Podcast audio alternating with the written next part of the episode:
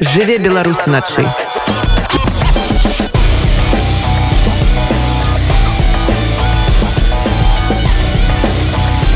Беларускія ноцы.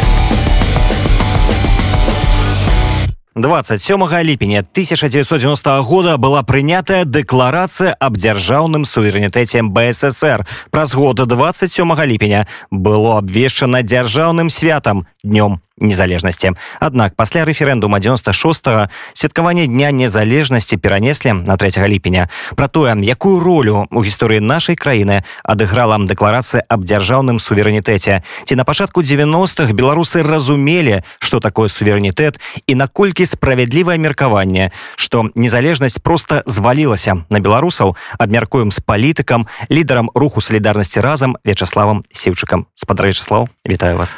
Добрый вечер вы Ці, прасцей сказаць добрай ночы уже. Да все ж таки беларускія ночы і у нас у беларусі тым больш у беларусі настала 27 таму вось з гэтай нагоды мы з вами сустракаемся. Вы памятаеце гэты дзень 27 ліпеня 90 года калі вось прымалася дэкларацыя аб суверэнітэце? Ці было у той момант разумення что гэта нейкі такі паваротны момант у гісторыі найноўшай беларуся разумение было Ну па-першае, я все хацела бы павіншаваць з днём незалежнасці, бо сёння сапраўдны дзень незалежнасці.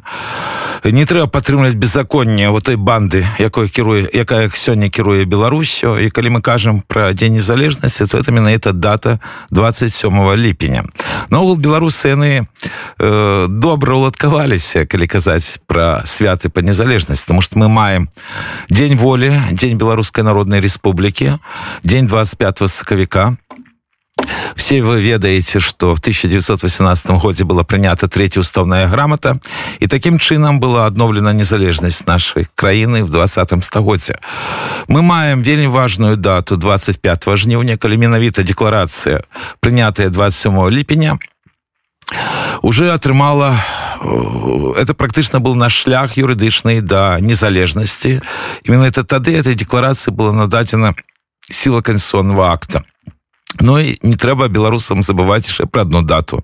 Вельмі важную якую так баяцца і вот гэтыя два старых чалавека які спрабуюць заліць крывёю весь наш рэгіён.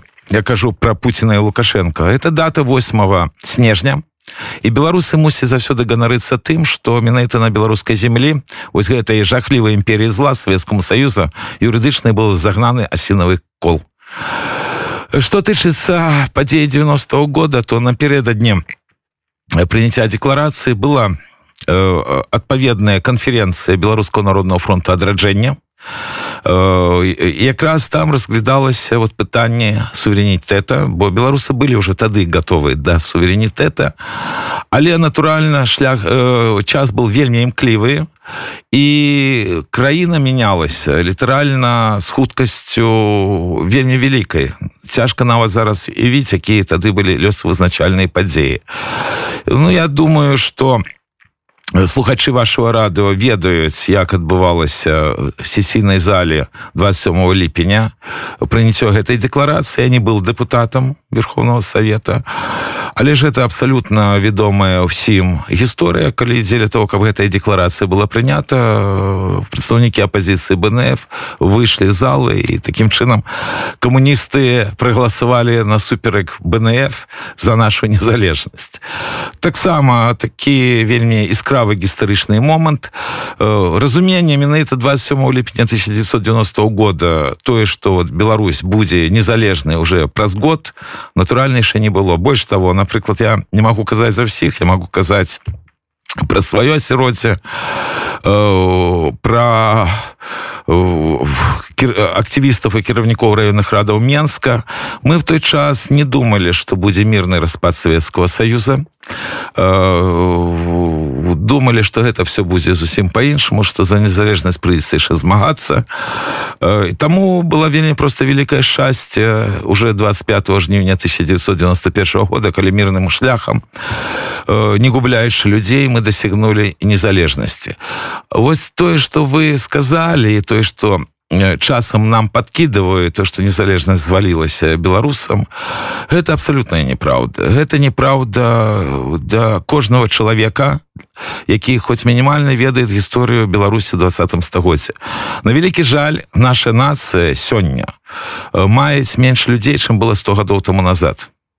Э, абедзве імперыялістычнай войны рэпрэсіі двух таталітарных рэжымаў асабліва камуністычных яны вельмі моцна ударылі менавіта по беларускай нацыі але кого кого але ж герояў у беларусаў заўсёды хапала і можна было бы тут гадзінамі вашем эфире распавядаць і про э, вайсковую камісію рады бнр і про антыбальшавіцкую Э, партизанку 18 20-х годах беларусі і про э, змаганне беларусаў э, і в польскіх вайсковых аддзелах калі было цяжка польльшы і про беларускі батальон в літовскім войске калі літовцам было цяжка і гэтак далей тому падобна шло вельмі цяжкае змаганне потому что цяжка было і в канцы 80-х 90-х годах гэтая цяжкасць была звязана першую чаргу з тым что до гэтага часу от беларусы не хочуць неяк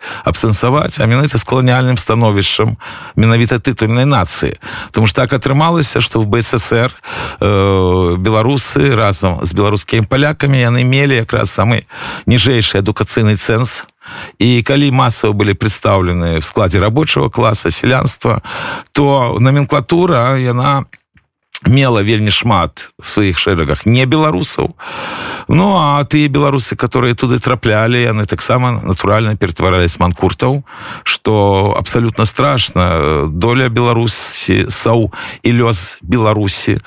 Яна была вельмі цяжкая двадцатым стагоддзе і заўсёды нам трэба памятаць пра подзвіг э, тых людзей якія здольны былі абвесціць незалежнасць часы беларускай народнай рэспублікі. Бо таксама я якраз днямі чытал всякую дурату ці гбэшнікаў ці просто нейкіх карысных ідіотаў ну людзі просто не разумеюць такое імперістычная вайна. На нашай зямлі тады тапталіся мільёны чужых салдат. Беларускія мабілізаваны э, э, беларусы вайскоўцы якіх мабілізоўвалі царское войска яны былі на балтыйском флоте яны былі в бессарабі где вельмі шмат беларусаў між іншым лагерох і загінула уже пасля яны былі ва ўкраіне то есть амаль што паўсюль акрамя самой беларусі і в гэтых умовах калі на нашу тэрыторыю глядзелі все просто як на тэатр вайсковых дзеянняў першай імперістычнай войны а пасля мелі там свае планы бо суседзі таксама хацелі выкарыстаць менавіта тое что беларускі народ под вельмі цяжкой сітуацыі чыста геапалітычна. Весь на гэтае вот был падняты белачывона беласцяк наш спрадвечна і была вечная незалежнасць. І гэта спрацавала ўжо в 1991 годзе. І вяртаючыся до того что уже я могу сказаць про нас то для меня яшчэ крыху смешна калі кажуць что упала незалежнасць беларусам на галаву просто так яшчэ па асабістых э, прычынах справа тым что в той час я кіравал дружыны беларускаго народного фронту.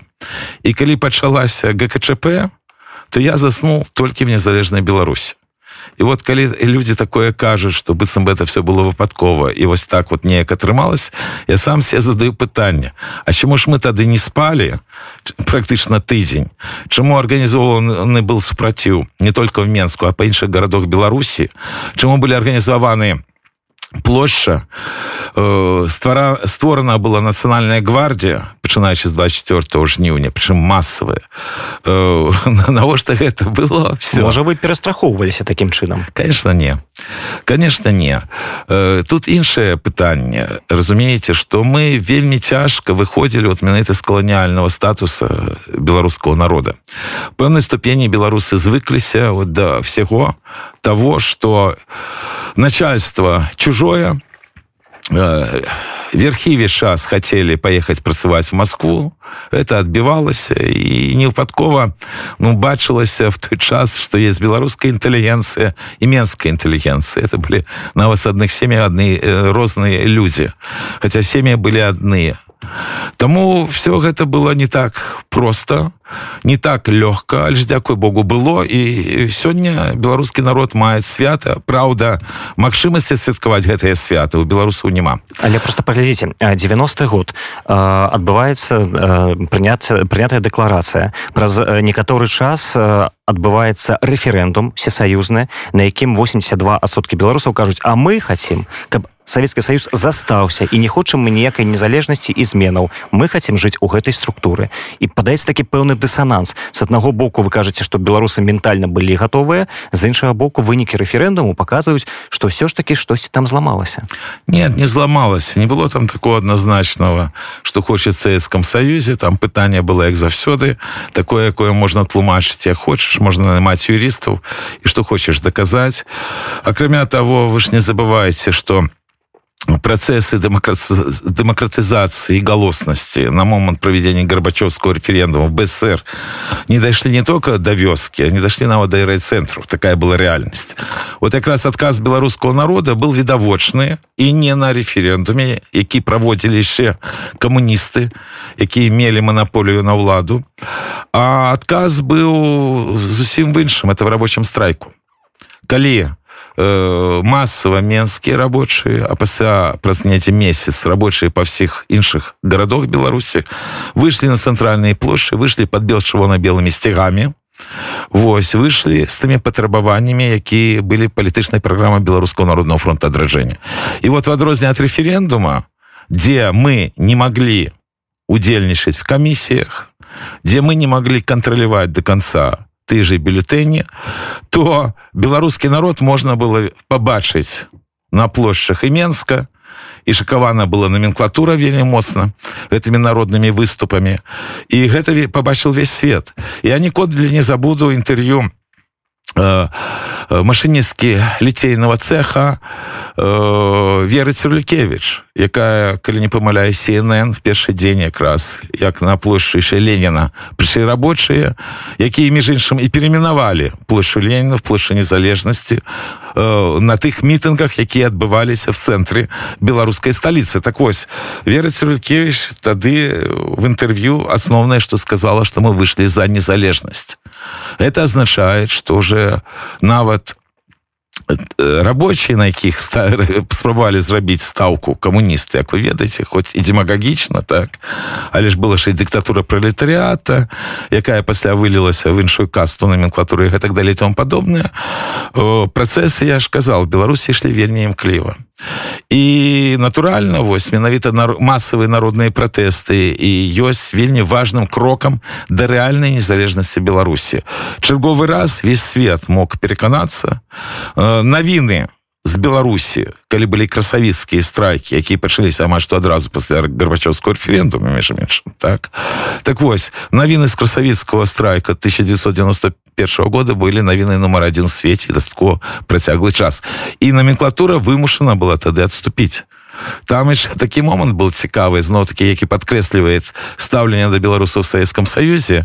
Э, да гэтых рабочых выступаў бСр займала 13 месца паміж 15 саюзнымі рэспублікамі по сярэдняму заробку. І вось дзякуючы тым страйкам хоць беларусам заробкі паднялі То бок нічога за апошні час не змянілася таму што вы памятаеце калі ў двадцатым годзе таксама пашлі выходзіць рабочыя і не маглі іх ніяк спыніць то таксама вырашылі там на грод на азоце на э, калійцы просто на бмз падымаць заробкі такім чынам неяк э, залагодзіць людзей Не в 2020 годзе было все зусім по-іншаму якраз э, добра что вы закранули гэтую тэму тому что беларусаві час хочуць раз'яднаць і сейчас зрабіць выгляд что беларусы самі во всем виноваты э, праблема зусім іншым. Это был уже зусім не тыя часы перебудовы галоснасці якія были на канцовке советского союза справа тым что рабочие страйки душили гэтак сама як вулічны аксы только іх пачалі душыць раней. Э, заганялі ты же автомай автозаки сам самапам былі дубінкі весь час працавала габ'ё по заводах. Там былі жорсткія вельмі рэпрэсіі э, таму не в падніццю заробках так там была справа.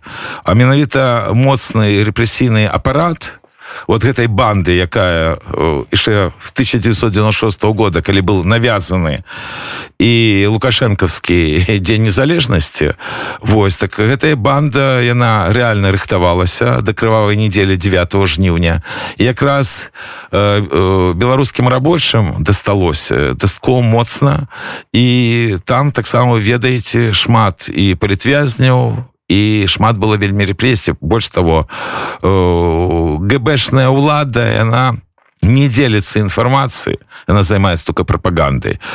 Таму страйки беларускіх рабочих в 2020 годзе былі просто жорстка задушаны абсолютно незаконна абсолютно дзікунскімі методамі вяртаючыся все ж таки до 90 года у многіх э, таких назовем так скептыкамі э, выклікае пытанне ці сапраўды 26-27 дэпутатаў незалежнасці дэпутатаў ад апозіцыі беларуска народного фронта адраджэння маглі рэальна паўплываць на сітуацыю верхоўным савеце дзе было 345 чалавек могли больше того разумеете в адрозненне от тых выборов которые будут э, пасля уже 1990 года. Ну по-першае конечно вельмі вялікі парадокс калі мне хтосьці бы сказал что выборы верховный совет бСр 13 12 склікання это будзе максимум беларускай дэмакратыі которую я побачыў в сваім жыцці ну, я был бы страшно здзіўлены тому что в этих выборах я уже прымал вельмі актыўны удзел адзінае что не вылучался кандыдатам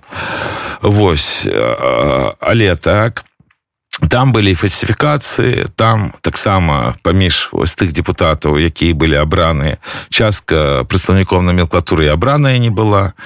Па некалькіх прадстаўнікоў беларускаго народного фронта просто в наглую пазбавілі мандатаў потому что было такое жорсткае дасковое законодаўство то есть там фальсификации хапала а ж там были выборы.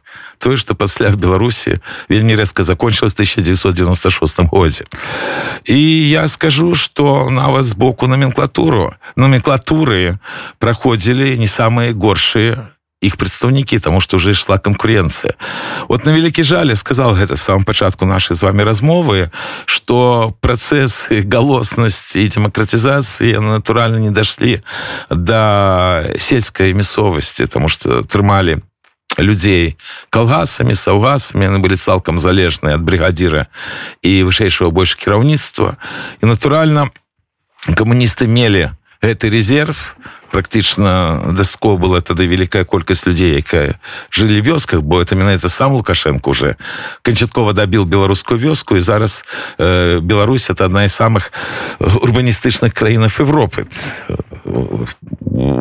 30 гадоў тому назад было все по-іншаму э, так вось все-таки там хапала і людзей разумных э, якія абіраліся ўжо асабліва по гарадах конкуренции и с нами, и с іншими кандидатами. Таму там дастатковыя цікавыя былі дэпутаты і па-за межамі беларускаго народного фронта. Ну я могу назвать такое прозвішча геннадь карпенко.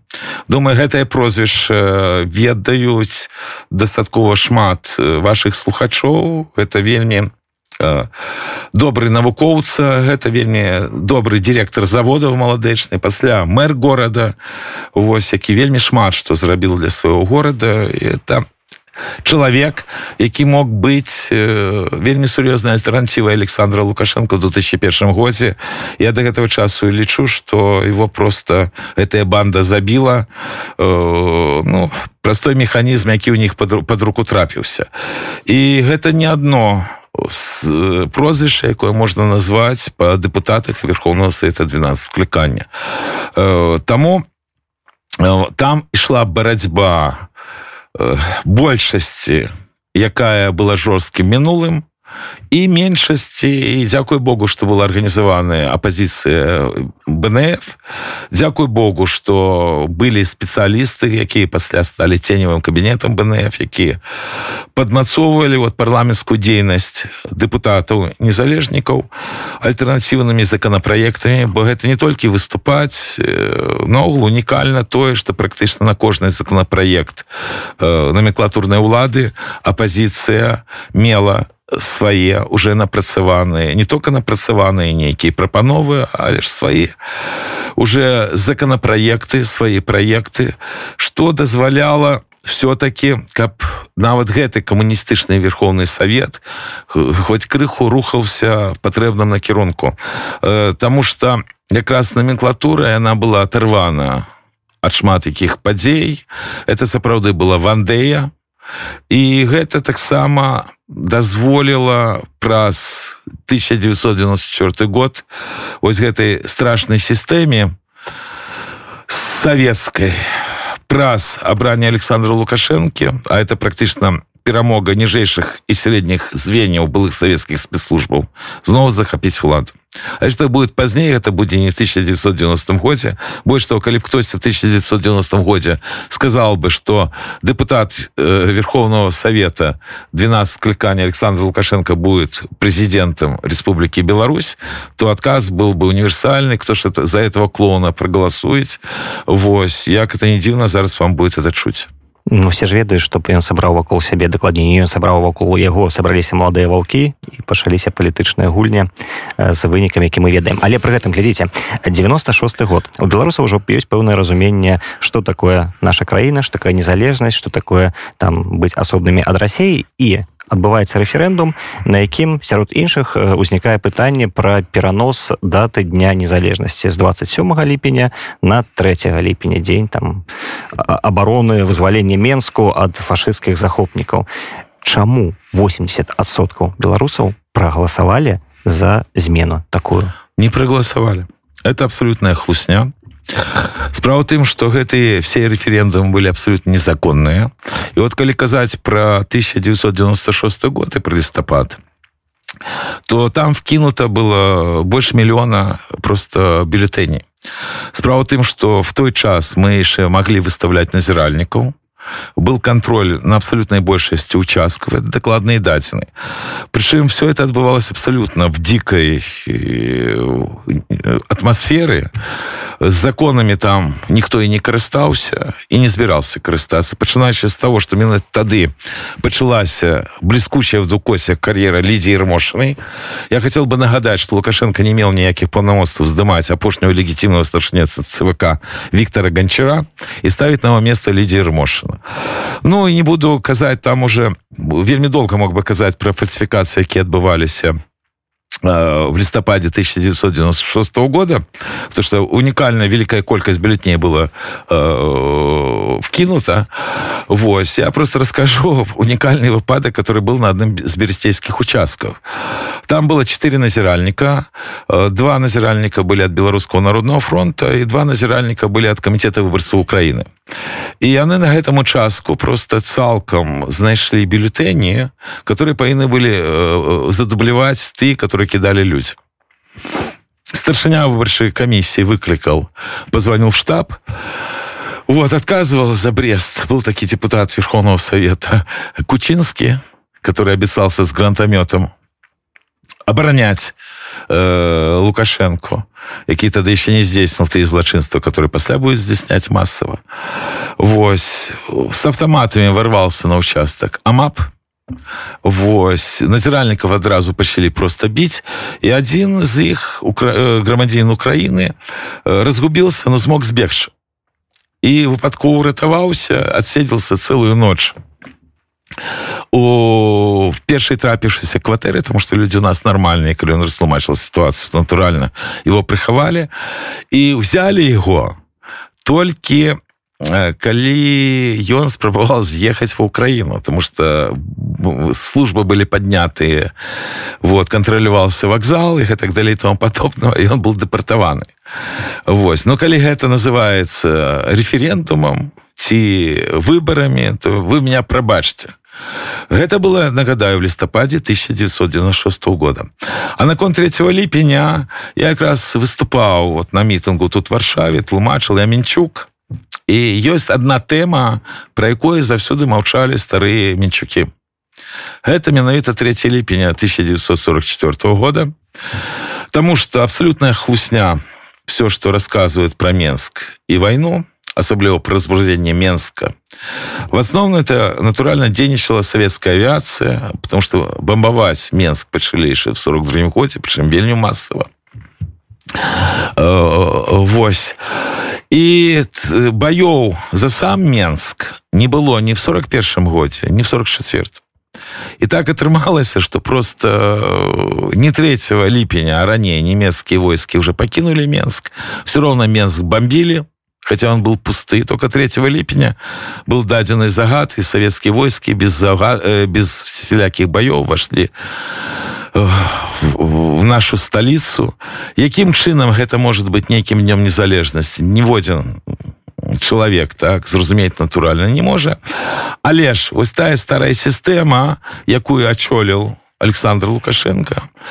Яна заўсёды так званую великкую отечественную войну выкарыстоўвала для сваёй реабілітацыі для свайго ратавання забывшыся якая это была страшная война для нашего беларускаго народа забывшыся что менавіта за нашими дедами и бабулями за ихними спинами вот эта вся питерская московская гбшная шуша просто отседзілась тому невыпадком з'яўляецца тая прапаганда якая сёння дзейнічае в беларусі. Вы ведаеце что на вас змены прынялі в крымінальны кодекс.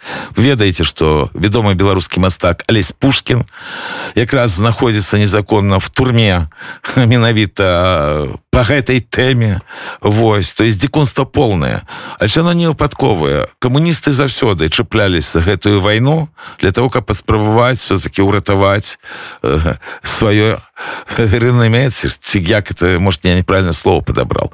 А так это страшно. Дата 3 ліпеня яна якраз і прымушает мусіць прымушаць беларускае грамадства не забывать что 27 ліпеня это дзень незалежнасці інакш вот это беззаконне якімі з'яўляецца александр лукашенко. Она накрые всех нас с головой. Беларусы не павінны забываться что антикассационный переворот отбылся в лістападе 1996 года и пасля этого беларускі народ был позбавлены всех основных прав и свободаў и в першую чаргу право выбирать уладу. Вот вы сказали там про 80 отсотку так прабачьте в 2020 годзе э, таксама было 80соткаў але ж я не поверу вам калі вы мне зараз скажете вот что беларус такие кепскія і в 2020 годзе проголосовали за лукашенко 80сотками это может сказать только человек который вельмі далек от беларусі вось и который наогул не сачыл за тымі падзеямі якія там адбывались вартасць всех вот гэтых ірмошанскіх лічбаў самого пачатку до конца яна аднолькавая і калі вы думаете что там беларусі нейкія выпадковыя працэсы былі ну поверьте прыўлад там бандыты Прычым это сапраўды бандыты но не ідиоты калі пены здольныя былі правесці хоць адныя выборы з 1996 года яны бы іх правялі якраз вот эта жорсткая сістэма выбарчых камісій куда никого не пускают вось гэтае нахабное просто стаўленне да любых лічбаў э, это ж не только выніковыя вот этой традыцыйнай лукашэнкаўскай 80соткаў прычым яны заўсёды былі так абсолютно хлуслівымі это зразумела вы звернеце увагу что практычна все кандидаты которые рэгістравала ірмошана яны таксама хотели ці не хотели асабіста парушалі заканадаўства беларускае абавязкова розніца была паміж тымі лічбамі якія казалі штабы кандидатаў што яны здавалі і завышанымі лічбамі которыми чамусьці давала цэнтральная бычая камісія рэгістрацыя кандидатаў которых нельга было по заканадаўству рэгістраваць таксама абсалютна агульная рэч і гэта рабілася вот этой банды абсалютна невыпадкова ім не только не да законов ім трэба каб вот все іхнія злачынства которые яны здзяйснялі былі нарэшце хоть мінімальна узаконены. І в этом таксама есть трагічнасць вот апошняго выбарчого фарса які адбываўся в 2020 годзе. Спадарвячеслав на пачатку размовы вы сказали про тое что ёсць некалькі таких важных дат у гісторыі беларусі якімі можна лічыць там пачатак незалежнасці гаворка ідзе про 25 сакавіка. Некаторыя азначаюць что 19 верасня таксама можна лічыць такой датай ну, гаворка ідзе пра прыняццю нацыянальнага сцяга ага. ось да. натуральна 25 жніўня як вы казалі ну 27 ліпеня. Гэта самая галоўная дата ці вожа все ж таки варта было б не ведаю пры новай дэмакратычнай беларусі правесці нейкі галасаванне рэферэндум і вызначыць дату каб все разам сабраліся і нешта падумалі ці не. Ці варта все ж таки вяртаць 27 як это было у 90-м годзе. Разумееце закон ёсць закон. Калі мы не хочам быць такімі як вот эта лукашыцкая банда у нас все-таки павінна быць стаўленне да закона як да закона 27 ліпеня прымалася як прымала зараз это не важно. А это адзіная законная дата дня незалежнасці Республікі Беларусь. Калі будут нейкія выборы не знаю калі яны будуць так і будет парламент в беларусі реально парламент можа вернуться до гэтага пытання але ж покуль гэтага не адбылося то 27 ліпеня это наш дзень незалежнасці і ён абсолютно не перашкаджае всем іншым датам. Хотя зноў такі напрыклад той ж 19 верасня сцяктара было прымаць еще 25 жніўня і дзякуй Богу что хоть в один голос 19 вересня 1991 года э, белшона белый стяг и герб погоня стали державными символами натурально это вельмі важная дата для э, беларускай нации такие даты нельзя забываться таких дат... назва республики беларусь тады ж заявилась так абсолютно больше того вы же поглядите что ничего не меняется барацьба с беларусью она ідзе комплексная в тым ліку яна вядзецца і в асяроддзе саміх беларусаў у нас по закону забаронена называць нашу краіну інакш як Республіка Беларусь ці Беларусь Ну, можете почитать всяких идиотов в тых же соцсетках и уже не выкликает некой реакции у белорусов их близнерство як только нас уже теперь не называют. Это страшно. Асабліва страшно э, бо шосты месяц ідзе расійско-украинская война.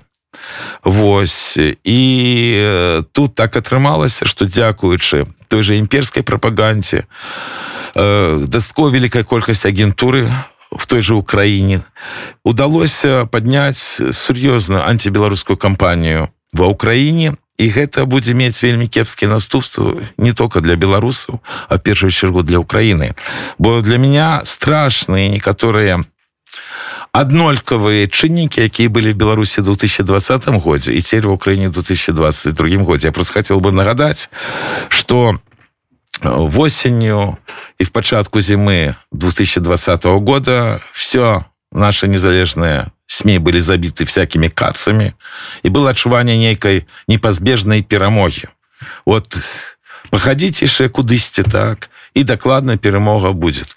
А вітальд ашурак ужо незаконно знаходзіился за кратами и адмаўляліся признавать его палітвязням потому что его признали политвязем только уже после того як незаконно филатов які зараз судит автуховича які трымает сухую голодовку и мне здаецца в свете так долго никто не трымал сухую голодовку. Еще 11 человек там где микола автухович и любовь резанович в отдельных клетках. Э, абсолютно дикунская з'ява не только для 21 стагоддзя наогул для еўрапейскай гісторыі калі вы такое бачылі і судзіць іх вось той філатаў які незаконна асудзіл вітольда ашурка. Э, таму э, страшныя падзеі которые якія адбываюцца в беларусі а пасля крывавай недзелі 9 жніўня 2020 года не было аніводнага дня каб беларусаў у не арыштоўвалі каб не катавалі. Гэта сапраўды так террор і гэта сапраўды палітычныя рэпрэсіі якія Европа не ведала 50 гадоў. Але ж пасля 24 лютого гэта стало практычна всем не цікава а до 24 лютого у нас таксама не хапала сілаў каб тая інфармацыя якая уже была ішла ў свет пра падзеі в беларусі. Бо зноў таки Э,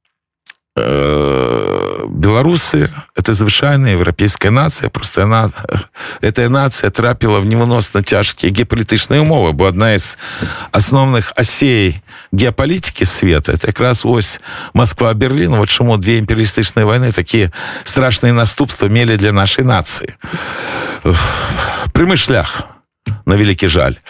Зараз таксама все вельмі страшно і в гэтых умовах нам не трэба забываць пра подзвіг беларускаго народа. Бо сцэнар апошняго выбарчого фарсы был не наш. Это зразумела. Выбарчы фарс адбываўся в умовах гібриднай войны Российской Федерации супраць Беларусі в часы пандеміі э, натуральна там были только два сценариста. Это сам бандит лукашенко. Вось. І хутчэй за все это Михаил бабіч з Москвы потому что Москва ставила мэту вельмі простую я казала это еще до 9 жніня 2020 года перетворить лукашенко в такого беларускаго кадырова. Вось за кошт сценара за кошт акторов якіх э, группы регістравала Лідія Ермошина Москва вы самі бачылі выканала сваю задачу. Але во всем гэтым страшным часе бо натуральна 80соткаў лукашэнкі яны ўзніклі не 9 жніўня это зразумела было і раней Вось во всем гэтым страшным часе нельга забываць пра подзвіг беларускаго народа Таму что 9 12 жніўня был такі беларускі фармат майдана это жорсткія вулічныя баі с карнікамі лукашэнкаўского режима Практычна во всех городах беларусі. Прычым беларусы до гэтага былі не готовы абсолютно не готовы але ж у них хапіла сілаў змагацца с карнікамі і банда вымушана была отступіць именно это тады і былі сфармаваны в крыві три патрабавання беларусківа народа про которые не трэба забывацца. Гэта адставка лукашенко і новыя выборы гэта спыненне рэпрэсій вызвалення прытвязняў. Гэта збуджэнне крымінальных справаў супраць карнікаў. Вось. І э, суды над імі вот гэта і ёсць беларуская платформа. На вялікі жаль пасля это было все скрыўлена Таму что пачалі гаварыць пра перамовы з банды што абсалютна было нереалістычна лишь это інфармацыйны шум дазваляў Э, лукашевска-путінскай бандзе практычна знішчыць всю грамадзянскую супольнасць беларусі. Э, якраз 9 жніня 2020 года что яшчэ памяняла в беларусі? С 1996 года вот до гэтай даты была лукашенковская банда а выніку вот менавіта апошняго выбарчого фарса она ператварылась уже лукашенковска-путинскую дарэчы у нас на вялікі жаль скончыўся да. час. Хочу падзякаваць вам, вам за, таксама за размову да. Да яшчэ раз со святым вам с, с днём незалежнасці і вельмі мы спадзяемся на тое так что гэты дзень калісьці все-таки беларускі народ зможа мець магчымасць святкаваць гэты дзень. Ну а калі в будучым у нас будет іншы дзень незалежна нічого кепского самое галоўнае каб у нас быў дзень свабоды. Дзень калі беларускі народ переможет вот эту злачынную гэбэчную лукашыцкаўскую путинскую банду якая зараз на вялікі жаль кірует нашай краіны А я нагадаю слухашам радыёнет што нашим госцем быў палітык лідар руху солідарнасці разам Вячаслав сіўчык